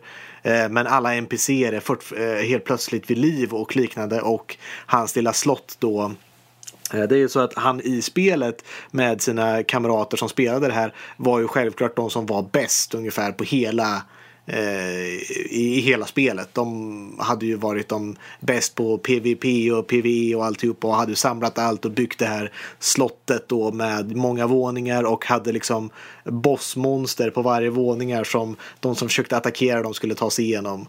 Och nu är det då han där kvar i en främmande värld som det här slottet har blivit teleporterat till. Mm, mm. Med alla dessa NPCer har fått ett riktigt liv då och Eh, det är lite roligt att se hur, jag, jag tycker ju om väldigt mycket overpowered main-karaktärer. Mm. Eh, som är lite eh, merciless då. Så att när han kommer ut är en jättestor skelett lich by the way. Magiker som sin karaktär. Så han ser ut som en stort jäkla skelett. Och det är väldigt kul att höra hans interna och externa monolog. Att på utsidan så är han så här bara Oh yes you should do that, that's very good. Och på insidan, oh, vad fan har jag gjort, vad är det som händer? Eh, men också att de ser liksom, Åh, nu, liksom, ja, du vågar trotsa vårt kungadöme. Här får du en level 4 spel. Det är ingen som kan stå emot den här. Och han bara, det här är en level 10 spel. Liksom, det kan ta död på gudar. Så bort så nu är ni alla döda ungefär. Mm. Och hur han försöker integrera mot det här och liksom försvara sin lilla bas och är överbeskyddande och så. Så det är lite roligt. Problemet är att säsong två börjar med att följa ett par jävla ödlor som ska samla ihop sig mot någon armé som är, eh, ska, ska attackera dem. Och de spenderar tre jävla avsnitt på det. Och nu har det tredje avsnitt som de äntligen klara med. Och jag vet att jag läste den här berättelsen när den var i textform och kom till samma ställe och slutade läsa den. Den var jättebra tills dess. Men sen kom de här jävla ödlorna liksom. Du bryter helt från alla main-karaktärer som du liksom tycker om och liksom varför du, hela anledningen till varför du liksom ser den här, eh, läser den här serien. Eh, och Tyvärr så följde de det i animen också. De börjar ju avsnittet med en liten recap om vad som hade hänt i förra säsongen. Eh, och du får ett, ett par på liksom tillbakablickar. Så bara, ah, de här karaktärerna är fortfarande här, de är bara och gör annat. Ungefär. Uh, och det, det, är, det känns som en subpar anime just nu. Mm. De följer de här ödlorna. Det är inte, det är inte mig. Men som tur är så hoppas jag att allihopa dör. Så att vi kan gå vidare med det som är faktiskt viktigt. Uh, och det är, jag får att det är det som är målet. Anledningen till varför man går till de här jävla ödlorna är för att uh, han är ju skelett, uh, mage i det här fallet. Mm. Och han kan bara, beroende på hur starka corpses han får, det kan han bara racea tillräckligt starka skelett. Ja, men om vi går och slaktar den här ödlefortet eh, här borta så kanske vi får starkare undead sa du som han kan race och använda. Mm. Så vi, vi, får se, vi får se. Det, jag hoppas att det blir bättre nu. Jag, det, det, jag har kommit längre i animen än vad jag kom när jag läste och jag tycker första säsongen är väldigt bra och väldigt häftig. Så att jag hoppas att det ska bli någonting av den här jäkla säsongen så att vi kan komma igång. Oh, det är illa när det inte kommer igång. Alltså. Det, ja, men det är just det, är det, värsta som finns. Ta bort alltihopa och bara liksom börja på något helt som verkligen känns liksom, som en parodi av anime mm. nästan. Hur, generisk det är. Mm. Så tycker jag om den. Så tycker du om den. Då så. Och det var uh, Overlord. Säsong Overlord två. säsong två. Mm. Eh, men då så, då hoppar vi från de ödlorna till lite andra monster och grejer. Eh, ja. Devilman Crybaby som eh, kom ut på Netflix, tio avsnitt. Och den är lite fucked up, helt enkelt. Det är en snubbe, han heter Akira Fudo. Och han blir informerad av sin bästa vän, den ganska kallhjärtade Ryo. Att ja, en gammal så här uråldrig ras av demoner har kommit tillbaka till världen och tar över folk. En efter en tar de över. Det är som en, nästan som en smitta. Mm. Eh, och eh, han säger, men du måste försöka liksom kombineras med en demon du också. Fast eh, du är ju så godhjärtad för du gråter ju för fan allt för allt. han tittar på något och han gråter liksom. Han gråter för att han ska äta mat för fan. Alltså vad som helst. Han, han, han är så han, han är så, vad ska man säga, han har så mycket själ i sig. Så känslig. Ja, så ja, mycket riktigt. Eh, han transformeras då till Devilman, som är det fånigaste namnet någonsin. De bara, Devilerman! Devilerman! Ja, precis så. Och då har han kraften av en demon, men han har kvar själen av en människa då. Eh, och efter det så är det helt enkelt, han är ju då eh, Akira, eh, för när han bl har blivit fått den här Devilman i sig så förändras hela hans karaktär och utseende. Först han är en ganska timid uh, ung man som knappt vågar prata med tjejer och efter det så är alla typ kåta på honom och vill sätta på honom. Och folk håller på, ja. En tjej hon typ gnuggar av en uppe i, en, liksom, i, i sitt lilla eh, flickrum. Och det, det, det, den, den har mycket sex i sig, den har mycket våld. Eh, folk äts upp, eh, för folk förvandlas ju kontinuerligt. Och samtidigt som det här händer så får man ju följa då Akira medan han och hans vänner då som är så här stafettlöpare eh, vill liksom bli något i sina, eh, sina liv och så vidare. Och samtidigt så går hela världen åt helvete. Folk äts upp och dödar varandra och vilka är värst, demonerna eller människorna? Ja, det är... Vilken jävla serie. Ja, och nu har jag undvikit mycket för det det är mycket sex i. det, det, det, är en, eh, en gammal då, för det, den här demonen som tar över då eh, och blir Devilman, han heter typ, eh, han har något namn, Amon eller någonting, mm. den demonen då. Och Amon som är demonen då som tar över Kira, den var ju egentligen ihop med en annan demon för länge sedan och hon är ju kåt på han så hon försöker ju få tag på han liksom och ja, hon försöker mm. sätta på honom helt enkelt. Samtidigt som hon vill döda han. ja. ja. Så de håller på, flyger bokstavligt talat runt, blir påsatta samtidigt som de försöker att döda varandra. Det är, det, det är jättemärkligt! Vad är det du kollar på Fredrik? Vad är det du det är så konstigt. på egentligen? Och, och, samtidigt på gatorna så är det folk som blir uppätna och det ligger huvuden överallt och eh, folk sätts upp på spikar och det... Och sen, ja, jag kan spoila, sen går världen under. Bokstavligt talat går världen under. Allt går åt helvete. För det börjar gå lite åt helvete. Sen går det lite mer åt helvete. Och de här vännerna som det handlar om med stafetten och allting. I slutändan, alla dör. Alla dör. Till och med han själv dör och den här Rio som är hans bästa vän. Det visar sig att han är, han är Satan. Självklart. Han är Satan och han, precis när då Akira på slutet har dött. Då, nej, jag vill inte att du ska dö. Men nu är allting dött. Hela världen är en stor, enda stor lavapitt. Allting, hela universum har gått åt pipan. Och han bara, nej jag ångrar mig. Och sen är det, och så kommer eftertexter. Man bara, Vad är det här för någonting?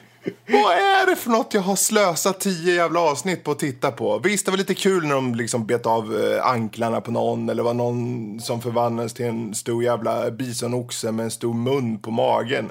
Liksom, man bara, vad fan är det som händer? Vad gör japanerna? De är ju knäppa. Men är det så ni vill ha? Det, nu, ni, jag, som sagt, jag säger nu att jag spoilat, men det finns så mycket i det här. Så att eh, jag, bara att jag säger slutet, det spelar ingen roll. Det är en upplevelse att se det. För det är så jävla sjukt. Det är resan som är det jag viktigaste, säger... inte slutmålet. Ja, det, den... För mig personligen så tyckte jag inte den var värst bra. Jag var, det, det var ungefär som... Först så tänkte jag, ja det var en downer. Det där gick ju inte bra för han i andra avsnittet. Ja, det var andra avsnittet.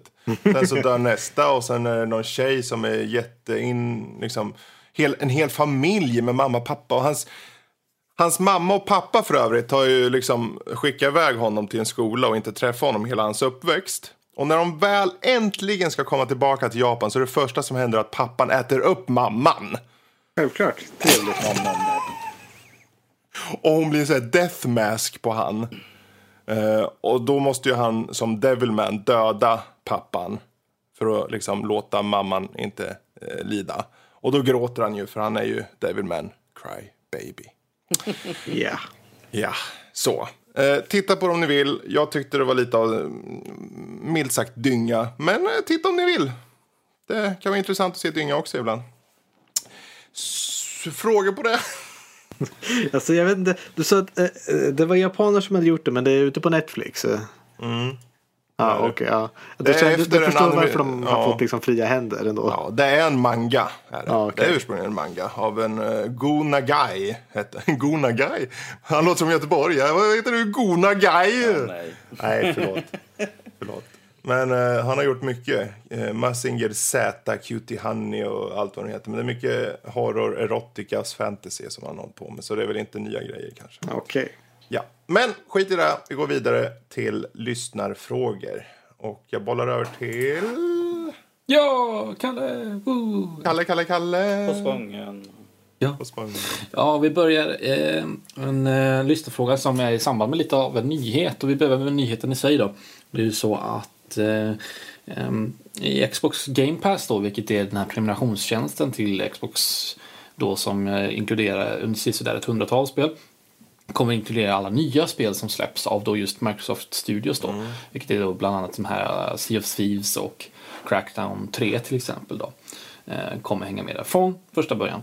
Eh, och ut, ovanpå det så kommer också alla de här spelen som man har i Xbox Game Pass kommer även funka med det här eh, Xbox Play Anywhere då. Så har man då Windows 10 så kommer man även kunna spela de spelen där också. Så för 79 kronor i månaden så får man de här spelen, de här nya spelen och möjligheten att spela dem på två olika plattformar då. Eller olika, två stycken plattformar där PC då. Windows 10 och eh, Xbox One då för, för exakt. Och lyssnarfrågan i sig kommer från Dejan Lucas och han eh, frågar så här då. Om nu Xbox kör på riktigt med Game Pass, prenumerationstjänsten, tror ni att Sony och Nintendo kommer anamma något liknande? Och vad hoppas ni för konsekvenser det får, att det får? Så frågan är väl öppen egentligen. Precis. Ehm, konsekvensen. Ja, konsekvensen förhoppningsvis är väl att Sony gör något liknande. De har ju haft den här Playstation Now som var en streaming. Men det känns som att det inte har bli, blivit något av det. Ehm, Ja, än så länge. nej, misstaget med Playstation Now är just att spelen måste streamas och sånt där. Det har väl lite att göra med eh, att det inte finns jättebra bakåtkompatibilitet mellan Playstation 4 och Playstation 3 och sådana saker. Och så där. så att med, med Xbox, med Game Pass, då laddar du ändå ner spelen och sådär och då finns det ingenting som säger att du måste ha en Uberalles internetanslutning som ligger någon, någorlunda nära deras datacenter för att det här ska då funka på ett skapligt sätt. Eh, vilket alla inte har. Annars om vi, ja, annars om vi tittar just på nyheten i sig om Xbox Game Pass i sig så tror jag att det här är ju verkligen... Äntligen så får de någonting... Det känns som att det, det här är vad Xbox behöver för de har lidit av att ha någon mer... Varför ska man köpa en Xbox? Eh, Må, Precis. många säger men köp, köp det här spelet, köp det här spelet. Men det är inte många eh, exklusiva spel som på Playstation. Och du har inte, du har inte den unika aspekten på Switchen till exempel. Ehm, men med den här aspekten så, så kan jag definitivt tänka mig att jättemånga människor tänker, men fan, 79 spänn, de nya spelen som kommer, de kommer komma in där, jag kommer köra, kunna köra dem från start Precis. för 79 spänn i månaden. Och välja alla andra spel som ligger där och köra när jag vill. Eh, Så jag tror det kommer dra till sig folk faktiskt. Ja, ja men det, definitivt. det håller jag definitivt med om. Jag vet, vi hade många diskussioner om, på, på jobbet då. Just nu så verkar det som att det är Playstation 4 som är den, den föredragna eh, plattformen då. Just, eh, just på jobbet. Just för att det, det, de har de, man skulle vilja säga de bättre exklusiva titlarna och sånt där. Och så. Så att, Ja, eh, och ja. jag menar för multiplattformsspel, det finns ju på alla plattformar. Det är Ja. så tråkigt bara. Ja, men jag kör för att jag vill ha... Vad nu är det för något multiplattformsspel? Ja, men fan, det kan du ju köra på vad som helst. Och rent generellt så tycker jag, även fast att till och med Playstation, jag vet inte, har Playstation, eh, play, vanliga P- PS4 långsammare än första Xbox One eller är det tvärtom? Tvärtom. Jag. Det är tvärtom. Mm. Men det har alltid känns lite mer optimerat på Playstation. Liksom. Och du har fått lite bättre där. Just det. Eh, just den här generationen då så har ju Playstation 4 var, haft en liten edge där nu. Om man då skulle ta och jämföra PS4 Pro och Xbox One X då är ju Xbox One X rent prestandamässigt i överkant. Men, men när man tittar bara på, på, Absolut. på originalutförandet så då var ju Playstation 4 bättre då.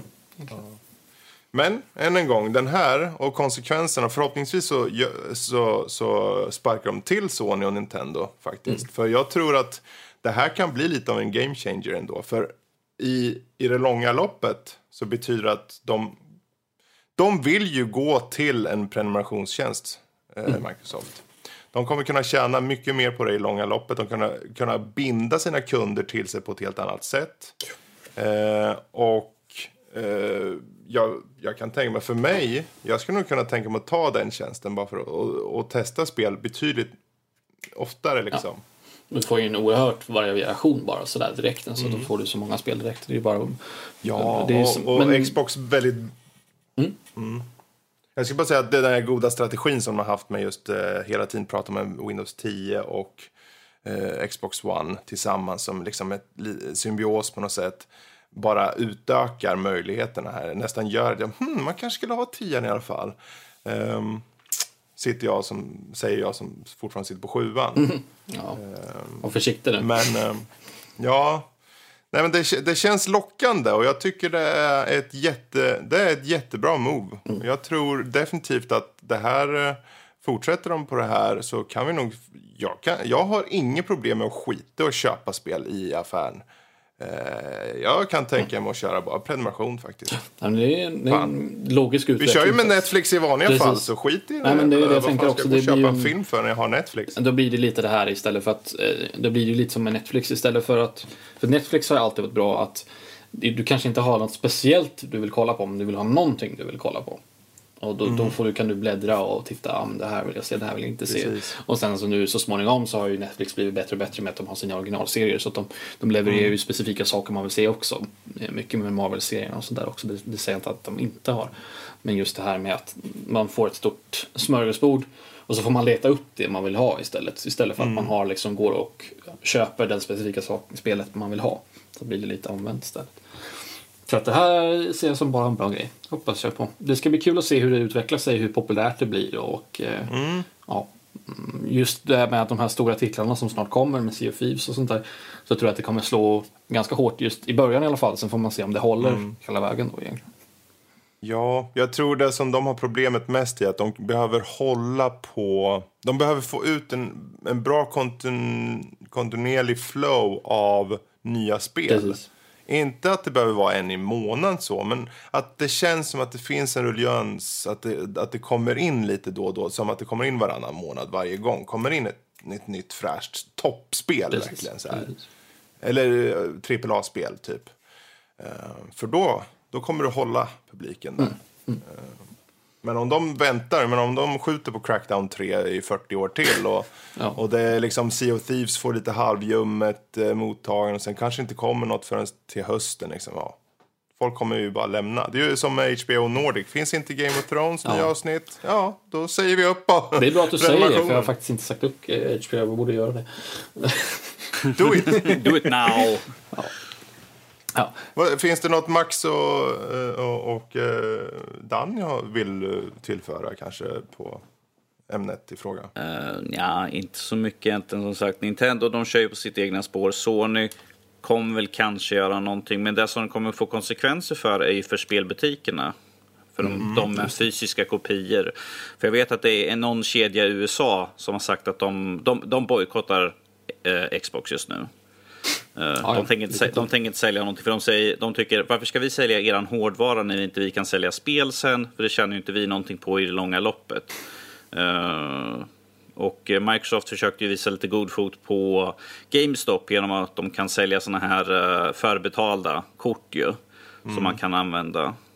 Som en, som en liten morot. Men Ni kan väl, ni kan väl fortfarande sälja våra, våra, våra konsoler sådär. Snälla, snälla, snälla. Det är ju lite synd. Där tycker jag synd om den där, eh, de där retailbutiken som inte vill eh, sälja deras. För de, de, de hamnar ju i en rävsax där. För om du inte säljer då kommer ingen komma.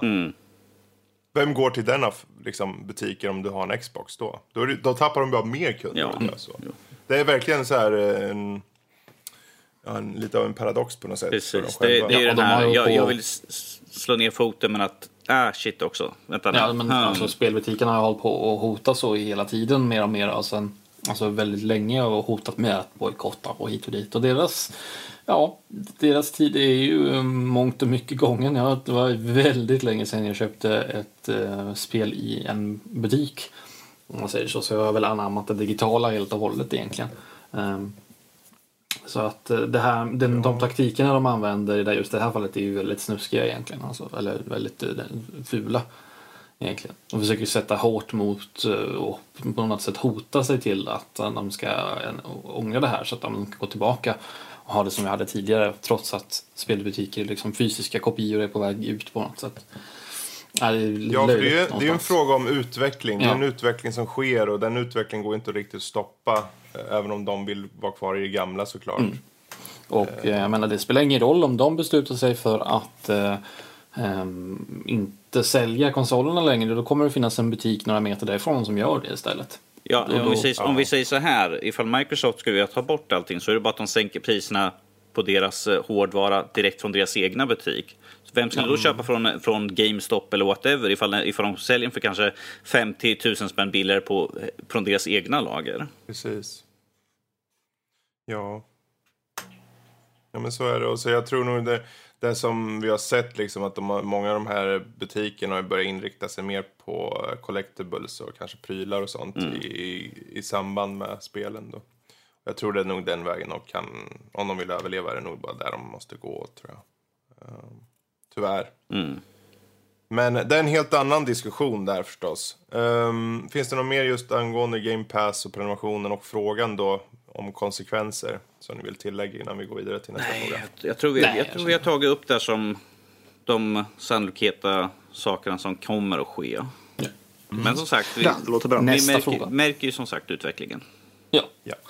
Eh, och nästa fråga kommer från vår kära Supertacon. Så givetvis, Ja. eh, det är inte ett riktigt avsnitt utan eh, Supertacon.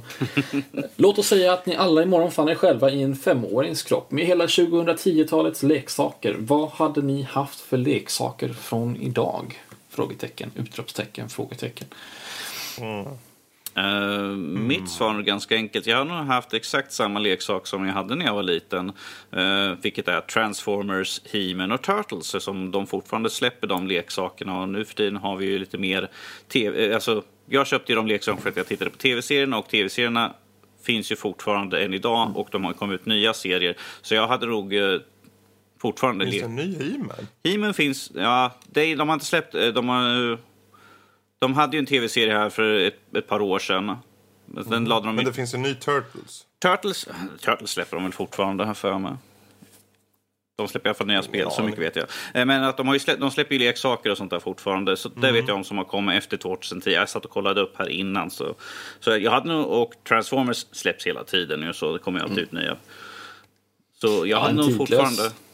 Precis. Jag hade Någonting nog tidlöst är väl eh, Lego då i Lego. så fall. Ja, Lego. precis. Precis. vad jag tänkte säga också. det var ovanligt att Det går ju alltid Lego. hem liksom. Legonådan skulle jag ju kunna nästan sätta mig Jag hade ju en sån där legomotor. Men man kunde koppla på någon sån här, till någon slant till någon batteri så den gick fram och tillbaka. Där kunde man ju bygga ganska roliga grejer ifrån. Bara med det med kugghjul och, och gummiband och, och grejer. och Sånt där. Det skulle jag nästan kunna Det blir det och själv. Minecraft. Ja, typ. typ.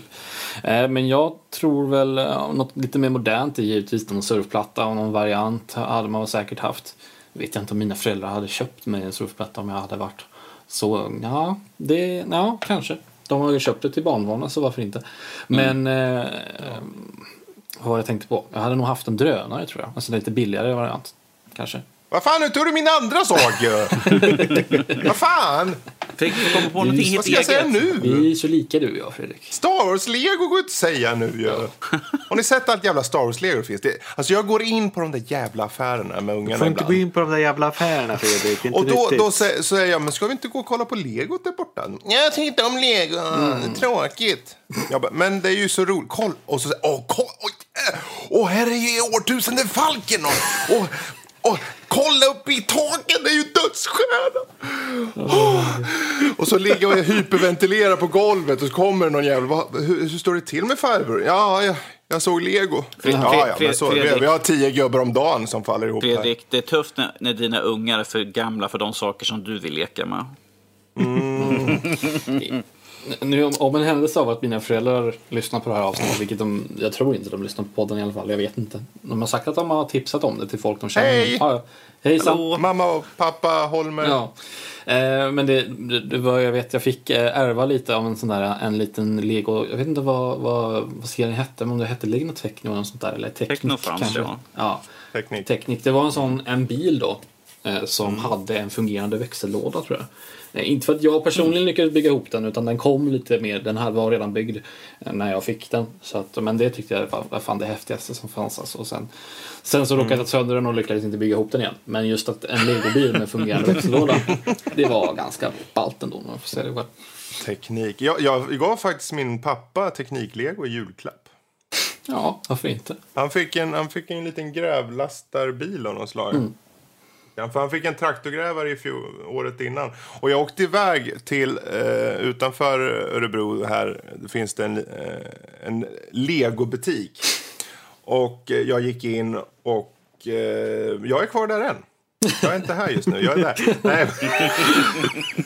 alltså, jag gick in dit för jag tänkte jag måste hitta något litet. Och jag hittade något litet och sen i, i hyllan bredvid fanns det ett lite, lite större grej. Bara, "Ah."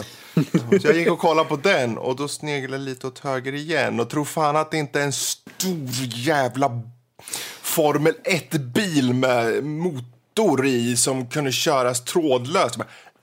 Var det bara jag Och så som... bredvid den så var det en Caterpillar som var stor som as och kostade 2 5 Var det bara jag som ville ha eh, tåg-lego? För jag vet jag hade... Nej. Det är väl varenda sund människa i universum som Jag vill vet, ha. min eller? morbror hade ett sånt här sätt med tåg, eh, leg, ja, ett legotåg helt enkelt som, alltså, med, Mm. som alltså fungerade. Man kunde bygga ihop ett räls och liksom köra iväg och sånt där. Och det vet jag tjatade som fan över att få det jävla legot men det fick jag aldrig. Jag tror att Eh, de Ifall Kalles föräldrar lyssnar dyrt. så vet ni vad du kan köpa i födelsedagspresent till honom. Ja, ja, precis så. Bara för att återuppliva dem, nej, återuppleva de gamla Precis. barn. Jag var jämt galen i City-lego, det var min stora. Jag tyckte om allt med City. Men det var brandstationer och det var eh, kommandocentraler och det var inbrott med bulldozer och djungelmobila labb och flygplan och allt sånt vill jag ha. Och det vill jag fortfarande ha. Lastterminal. Var, jag, jag såg en lastterminal och tänkte, det där vore bra. Vad ska jag ha en lastterminal till? Vad ska jag ha en lastterminal till? Men den såg cool ut. Och jävlar Jag vad dyrt. Jag kollade lite snabbt. De de kostar en slant de där eh, lego. De där rälsen kostar ganska mycket bara så. Eh, farligt, farligt. Ja, Lego, alltså det, det, det är livsfarligt. Men det, det känns ju som att det är så här fusksvar. Ja, Vad ska jag ja. Om vi är fem år idag, det är klart unga kanske vill ha Lego så, men de kanske äter upp delen. Jag vet Jag inte. vet inte. Men vad, vad är nytt? Vad är det som finns nu som inte fanns förr? Eh, surfplattor som drönare som jag nämnde. Ja, Fidget spinners. ja. fidget Ja, den, den, den flugan kanske redan Ja, har kommit och gått. Men eh, ja, vad finns det mer? Eh, Jag har ingen aning. Alltså, det är, herregud. Jag har inte koll på eh, barnleksakermarknaden just nu. Jag ber om ursäkt. Det finns ju de här... äh, sitta på... Man står på en pinne med två hjul som åker långsamt fram i tre kilometer i timmen. Vad, vad, vad heter en sån? Menar du de där Nej. eh, hoverboard? Hoverboard. Som inte Där. är en hoverboard men heter hoverboard. För sånt fanns inte när jag var liten i alla fall, det kan jag säga.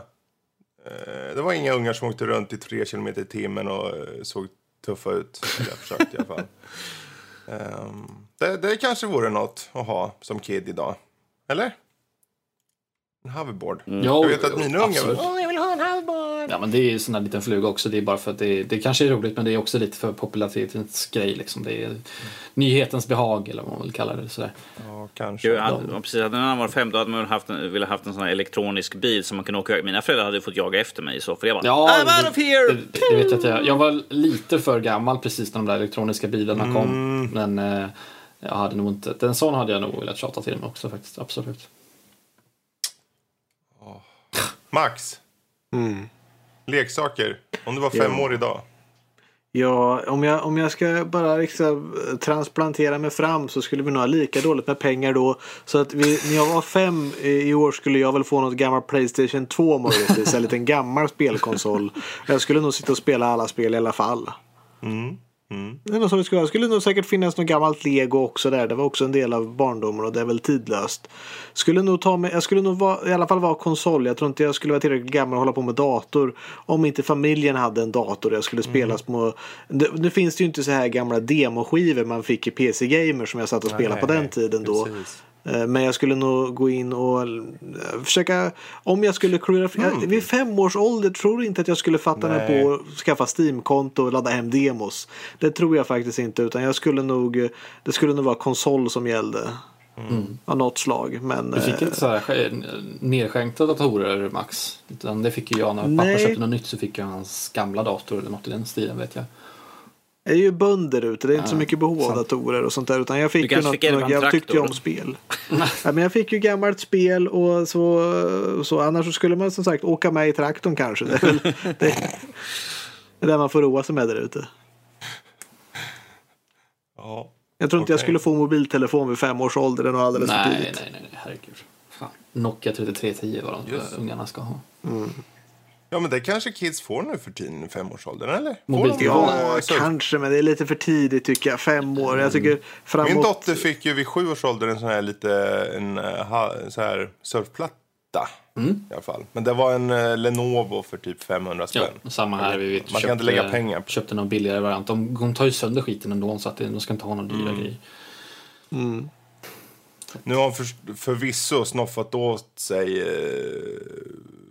Pims eh, iPad. Ja, okej. Mm. Eh, men eh, den är ju inte sönder än. Hon har haft den nästan ett år. Men hon har bara lånat. Nej, jag har utmanat eh, den, min systerns äldsta dotter. Jag har utmanat dem. Hon, hon, hon har varit lite så här, eh, känd för att inte ta hand om sina telefoner och surfplattor för den delen. De har, det har tagit liksom så här, ja, man har fått dem och sen några månader senare så är de jätterepiga och dana. De är fulla med spel och det, de ser alldeles eländiga ut och de är hur sega som helst.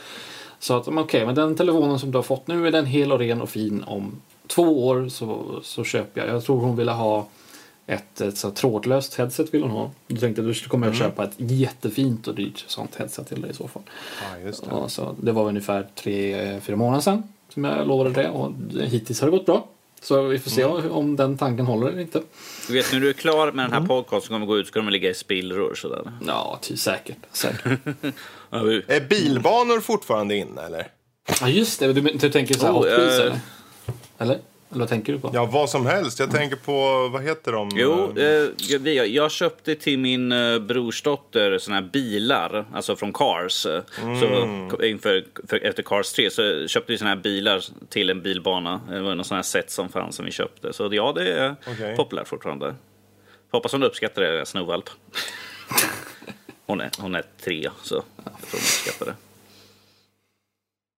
eh, ja, det får jag hoppas. Ja, jo. Eh, men eh, ja, vi har ju pratat av, oss så det räcker tycker jag på, på det här. Och det var väl sista frågan. va? Den är bra det.